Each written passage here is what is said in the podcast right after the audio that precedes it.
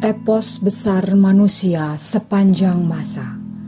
Mahabharata Ramayana ditulis oleh C. Raja Gopalacari diterbitkan oleh Ircisot dibacakan oleh Nyonya Wage dan Tamu Wage bagian kedua Ramayana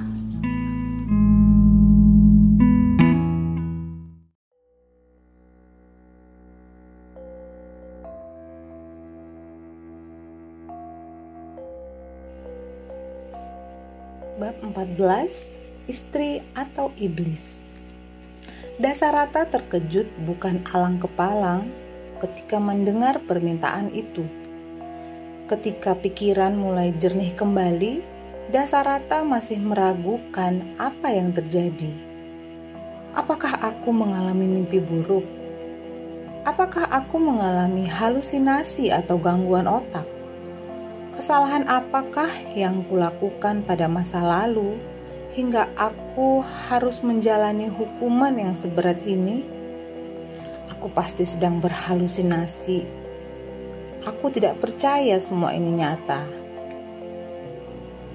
Tidak sanggup menghadapi kenyataan yang sedemikian berat, Dasarata jatuh pingsan. Ketika sadar, ia jatuhkan diri di hadapan Kaikei seperti melihat harimau yang siap menerkam, badan Dasarata bergetar tidak karuan. Ia duduk di lantai dan meratap. Tidak ada lagi daya atau wibawa, seperti ular kobra yang terbius mantra. Sekali lagi ia tumbang, tak sadarkan diri.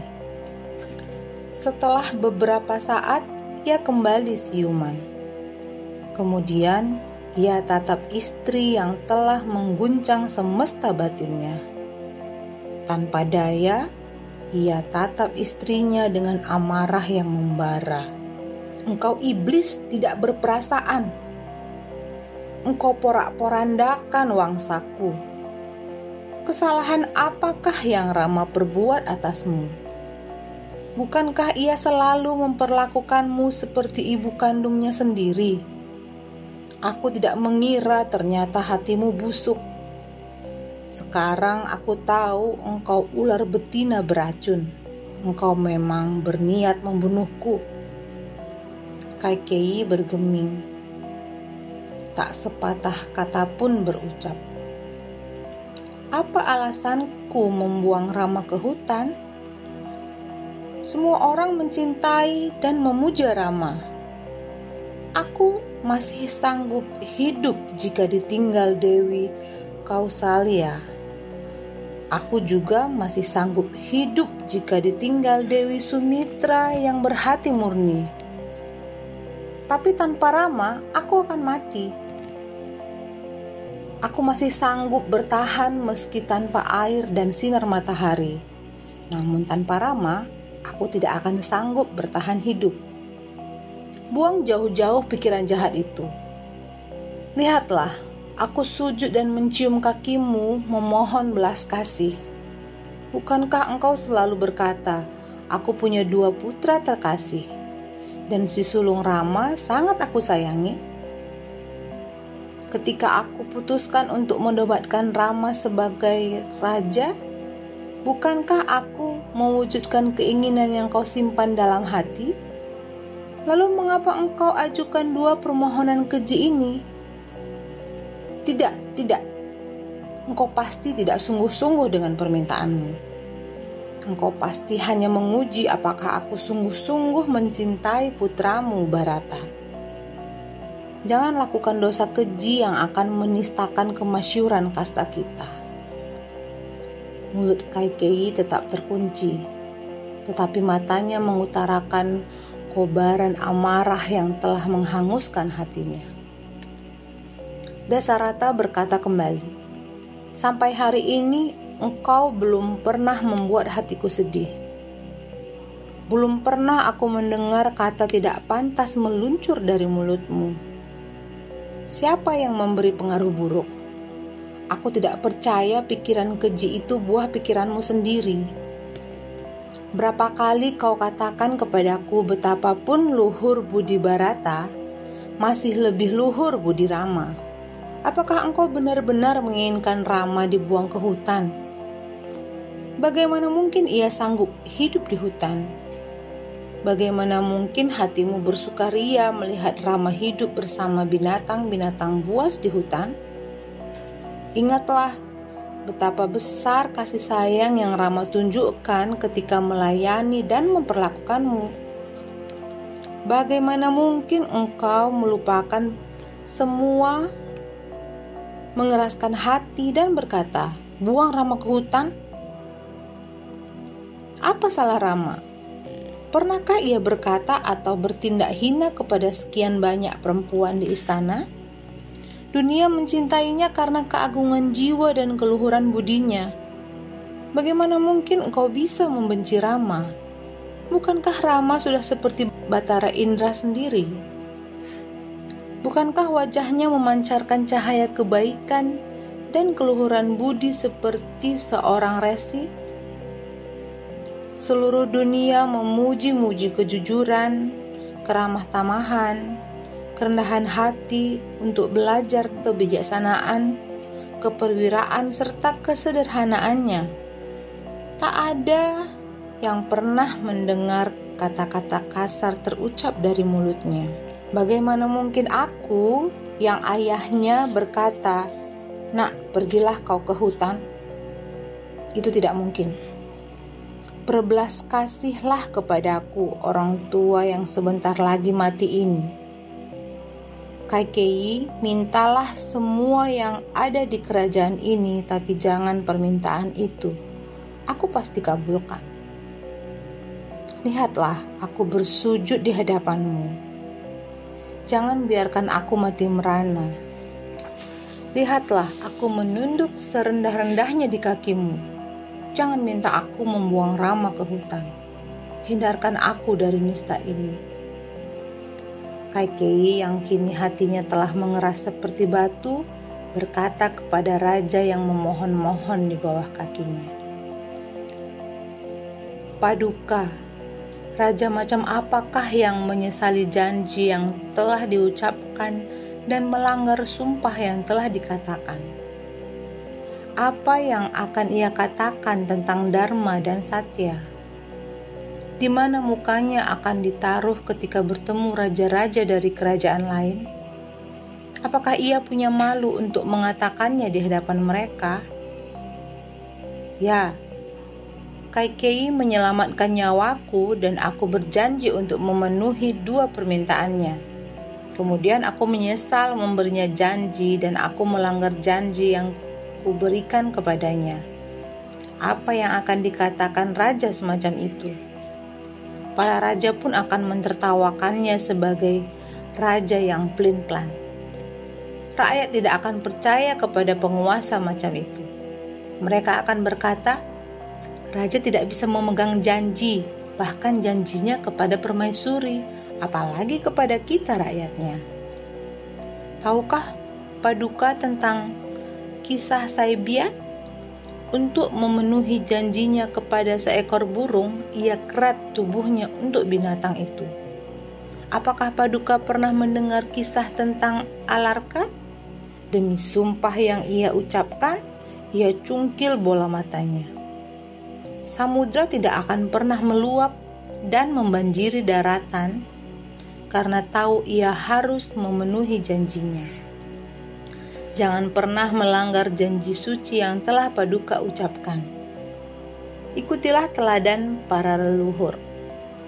Aku khawatir Paduka yang tidak layak disebut penerus mereka akan mengkhianati Dharma Paduka akan menobatkan Rama dan menikmati masa tua bersama Dewi Kausalya. Apa peduli Paduka pada Dharma? Apa peduli Paduka pada Satya?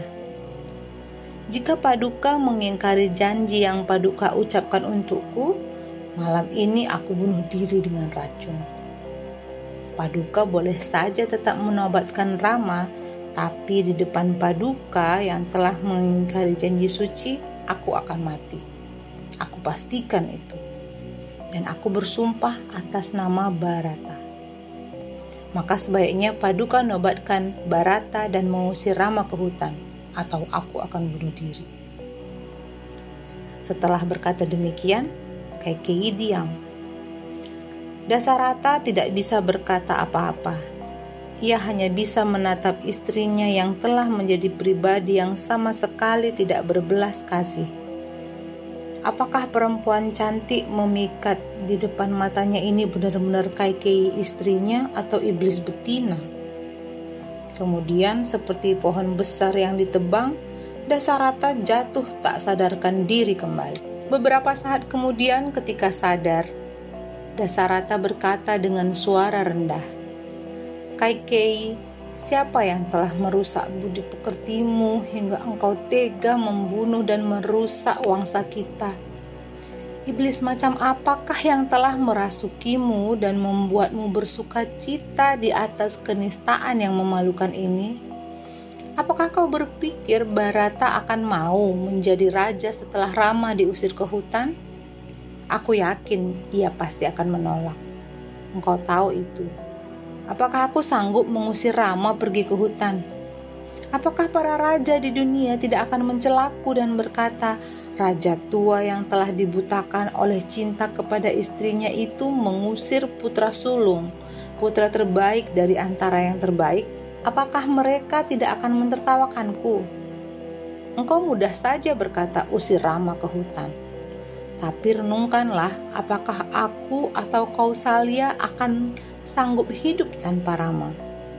Dan apakah engkau memikirkan juga putri Raja Janaka? Apakah ia sanggup menerima jika suaminya diusir ke hutan dan daka? Aku tertipu parasmu, Kupikir kau adalah perempuan luhur hingga aku memperistrimu. Seperti laki-laki bodoh yang tergoda untuk minum anggur beracun, aku terpikat kecantikanmu dan mengambilmu sebagai istri. Seperti rusa yang terjerat perangkap pemburu, aku terjebak dalam jebakan dan akan mati. Seperti Brahmana mabuk di jalan, semua orang akan mencemoohkanku apa permohonan yang kau pinta dariku? Permintaan yang memberi cemar pada kemasyuran dinasti untuk selama-lamanya. Permintaan yang akan dikenang sebagai kedunguan laki-laki pikun, penuh nafsu, yang sampai hati mengusir putra terkasih dan terbaiknya. Jika kau perintahkan untuk pergi ke hutan, ya Rama pasti patuh dan dengan senang hati akan pergi ke hutan Aku, Kausalia, dan Sumitra akan segera mati. Apakah engkau akan bahagia dengan tahta rampasanmu, hai perempuan bodoh dan penuh dosa? Apakah Barata akan setuju dengan rencana busukmu? Jika setuju, itu berarti ia tidak akan melaksanakan upacara pemakamanku. Engkau perempuan tidak tahu malu. Engkau musuh hidupku engkau bunuh suamimu dan mendapatkan status janda supaya bisa menikmati kemegahan kekuasaan bersama putramu. Wahai perempuan, betapa tidak berperasaan dan berdosanya kalian. Tidak, tidak, tidak semua perempuan kejam. Perempuan inilah yang kejam. Oh Dewata, mengapa aku harus mencela perempuan-perempuan lain? Oh malangnya dirimu Baratam, memiliki ibu yang seperti iblis ini. Tidak, aku tidak sanggup memenuhi permintaanmu. Kaikei, aku akan berlutut di hadapanmu memohon dengan sangat. Kasihanilah laki-laki tua ini. Raja berguling-guling di lantai dan meratap memilukan hati. Apa yang kita bisa katakan atas peristiwa ini? Seorang raja besar yang masyur dengan masa kekuasaan yang panjang dan harum, menangis dan bergulung-gulung di lantai seperti anak kecil, mendekap kaki istrinya erat-erat dan mohon belas kasih. Peristiwa ini mengingatkan kita pada Yayati ketika dilemparkan kembali ke dunia gara-gara nilai kebaikan yang ia lakukan tidak cukup membawanya ke surga. Serendah apa pun dasar rata menghambakan diri dan memohon belas kasih, Kaikei tetap bergeming. Bahkan katanya dengan tegas, Engkau sendirilah yang menyombongkan diri sebagai orang yang bisa memegang janji.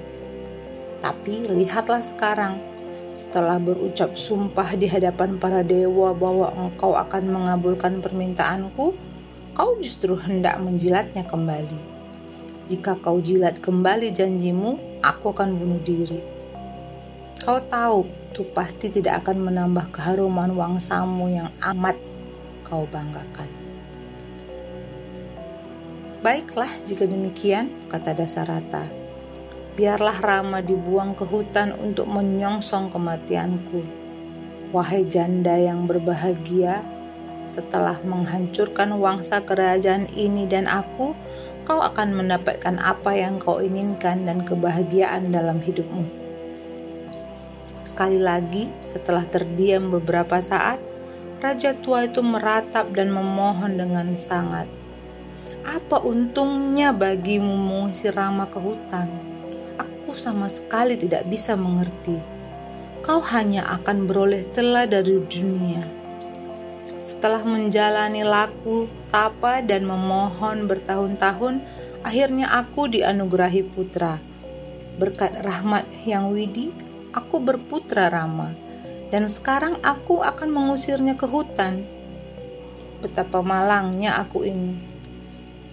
Sambil menatap bintang gemintang di langit, Desarata berkata, Oh Dewa Malam, teruslah berjaga bersamaku, karena ketika engkau pergi dan fajar hari menjelang, aku tidak tahu apa yang harus aku lakukan. Apa yang akan aku katakan kepada rakyat yang mengeluh-eluhkan dan menantikan penobatan Rama menjadi raja. Demi aku tetaplah bertahta di langit sana bersama bintang gemintang. Tapi tidak-tidak, cepatlah berlalu. Aku tidak mau terus berada di sini bersama perempuan berumur dosa ini. Berlalulah segera supaya aku bisa cepat memalingkan muka dari wajah perempuan ini.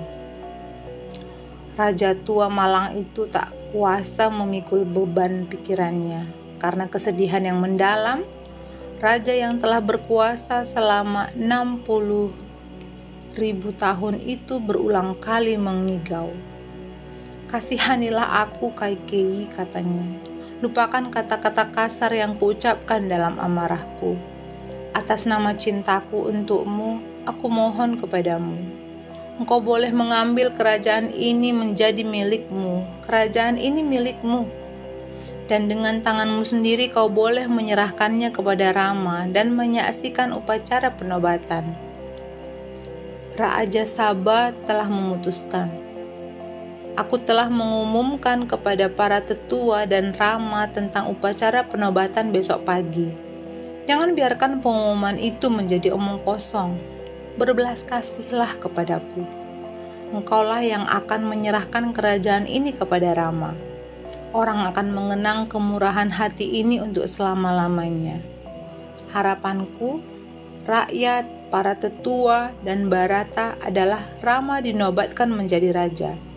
Lakukanlah ini, cinta dan hidupku. Sekali lagi Dasarata mendekap kaki Dewi Kaikei. Tapi jawab Kaikei, Sudahlah, tidak usah mengiba-iba laksanakan janjimu atau aku bunuh diri. Tidak ada gunanya merayuku seperti ini. Dengan upacara korban api dan kehadiran Dewi Api, aku meminangmu dan memperistrimu. Malam ini dan di tempat ini, aku tinggalkan kau dan putra yang kau kandung. Malam telah berlalu dan sebentar lagi fajar. Pagi ini kau tidak akan menyaksikan penobatan Rama, tapi kematianku. Kakei memotong kata-kata Dasarata. Berhentilah mengoceh, panggil Rama segera. Perintahkan ia untuk secepatnya kemari. Katakan kepadanya bahwa kerajaan ini milik Barata dan usir dia ke hutan. Pegang janjimu dan jangan buang-buang waktu lagi. Dasarata meratap. Baiklah, Biarlah untuk kali yang terakhir kupandang wajah Rama. Sebentar lagi aku mati. Perintahkan Rama ke sini. Biarlah kulihat wajahnya sebelum aku mati. Terikat pada Dharma, orang tua dungu ini tidak bisa berbuat apa-apa lagi. Dan sekali lagi, raja jatuh tidak sadarkan diri.